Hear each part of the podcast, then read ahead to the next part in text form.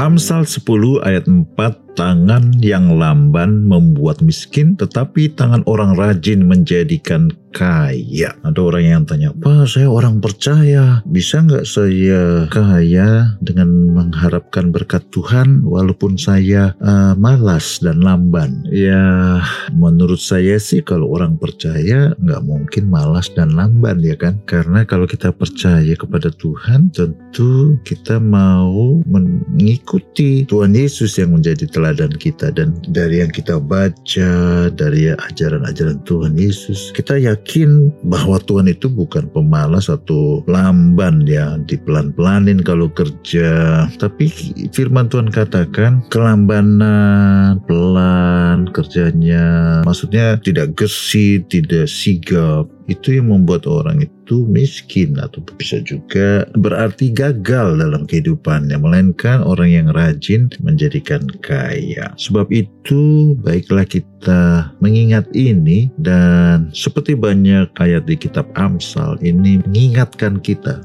mem peringatkan kita bahkan supaya kita itu tidak malas, tidak lamban, tidak menunda-nunda, tapi biarlah kita itu menjadi rajin, gesit, sigap, dan berinisiatif dan tidak mungkin orang itu gagal dan berkekurangan kalau memegang prinsip ini. Selamat memasuki minggu yang baru, marilah kita menjadi orang yang rajin, sigap, gesit, dan berkat Tuhan pasti menyertai kita. Amin.